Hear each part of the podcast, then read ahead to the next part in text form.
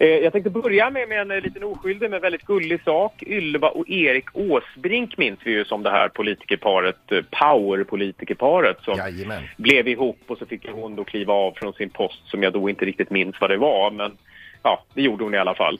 Sen har ju de levt ihop ganska länge och sen så skulle de ju skilja sig för något år sedan. Jaha. Eh, och eh, sålde sin jättelägenhet på, på Norra Mälarstrand för 15 miljoner eller någonting sånt där. Sen kom de tillsammans på Gröna Lund-invigningen i april eh, förra året då, hand i hand och det var då efter att de hade annonserat sin eh, skilsmässa. Och vi frågade hur är det och sådär och ni går hand i hand. Ja, jo, men vi, vi liksom, vi, vi älskar varandra ändå. Jättegulligt. Eh, och det är fortfarande så. De alltså, vi intervjuade precis henne och då säger de ja, vi har separerat bostadsmässigt men vi har inte separerat kärleksmässigt. Sa hon precis här nu när vi träffade henne på Idrottsgalan. Så att det, jag, vet inte, det verkar vara någon sorts...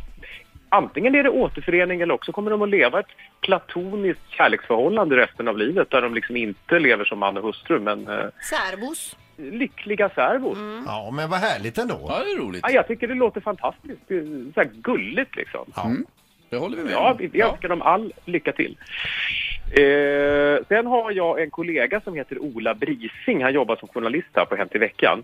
Han är ihop med Jackie Färm, ni vet eh, Svartenbrandts dotter som det har stormat mycket kring. Hon var med i Absolut. Paradise Hotel, Ja. skrev en bok här som han i och för sig har skrivit då. Eh, Hennes eh, Rövardotter tror jag den hette. Mm. Eh, De är precis as we speak i eh, Bangladesh eh, för att gifta sig. Eller det var i alla fall meningen på alla hjärtans dag, alltså nästa söndag blir det väl. Ja. Det visar sig, sådär, när de började liksom trockla i det här och behöva hindersprövningar och sånt där, att hon redan är gift. Oj då. Men vem Ja, då? det kan man lugnt säga. Eh, ja, så här är det, det finns en förklaring och han visste i och för sig om det här Ola. Eh, hon ingick någon sorts skenbröllop för, för något år sedan eller två. Med, med en turkisk man, det handlade om uppehållstillstånd och, och eh, lite sånt. Som hon gjorde i någon sorts ungdomlig naivitet tror jag. Eh, och sen så skulle hon skilja sig och det kan man ju göra själv utan att få tag på honom. Man kan ju ansöka om skilsmässa. Men då tar det, tar det lite längre tid va? Det tar sex månader och första gången hon gjorde det så... Hon är ju lite sådär Paradise Hotel-strulig och dotter till eh, Svartenbrandt sådär så att det, glömde hon naturligtvis bort att fullfölja då efter sex månader. Det Det måste, man, det måste man aktivt göra och det här gjorde hon inte så hon är fortfarande gift. Och nu när de ska gifta sig här nu den 14 februari så hinner det inte gå sex månader så att det blir ett ceremoniellt bröllop. Ja. Ja. Alltså det är mycket nu. det Ja, det är mycket, det är mycket papper. Ja, det, är mycket inte lätt nu. att hålla koll på allt. Du, du Ola, jag har en grej här. Du Ja. Ja. Men hennes turkiske man, vet han om också att hon inte vill ha honom längre? Ja, det, det vet jag inte. De har sökt honom i ljus och lykta. För att skriver han under, då kan det gå på en gång. För de har ju inga barn och sådär. Nej. Men honom har, honom har de Vad hon vet. Nej, precis. Vad hon- Exakt vad hon vet. Det var roligt Linda. Bra! Ja. Klockan är gå. Ja, vad har vi mer? Eh. Sista grejen Hans. Ja, jag hinner dra den här sista som också är väldigt rolig. Eh, jag pratade med Dominika för några månader sedan. Det här har faktiskt fallit ur huvudet. Eh, eh, jag pratade med Dominika Peszynski, alltså Anders Borgs eh, nya tjej. Tidigare Army of Lovers. Tidigare Army of Lovers. Jag tror till och med att de fortfarande då och då ger sig ut på någon sorts rysk turné för att dra in lite deg. Men skitsamma.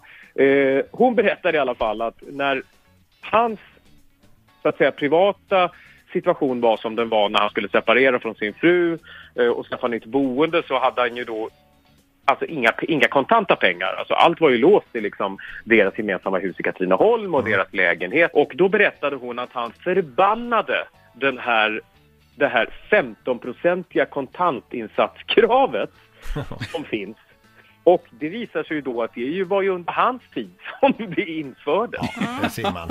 Och att han var drivande i den frågan att, in, att eh, det skulle vara 15% i kontantinsats. Så det förbannade han och ångrade bittert på. Ja, för sin Och det egen visar- del. Ja, och det, jag kom att tänka på det eftersom det stod i tidningarna här nu att de precis hade budat på den här jättelägenheten som han Steve Angelo, Swedish House Mafia-killen, eh, slog till på. Eh, de köpte ett helt townhouse. De köpte lägenheten på 14,5 miljoner som Anders Borg då också tydligen budade på. Och sen så köpte de dessutom ut alla grannar till ett överpris och de fick ett helt townhouse vid Slussen i Stockholm. Ja, fint ska det vara. Men det Ja, är, det man kan säga, det det, är som en ekonomisk bumerang som man fick tillbaka rätt i huvudet. Ja, det skulle man Rakt säga. i planeten. Ett poddtips från Podplay. I podden Något Kaiko garanterar östgötarna Brutti och jag, Davva, dig en stor dos skratt. Där följer jag pladask för köttätandet igen. Man är lite som en jävla vampyr. Man har fått lite blodsmak och då måste man ha mer.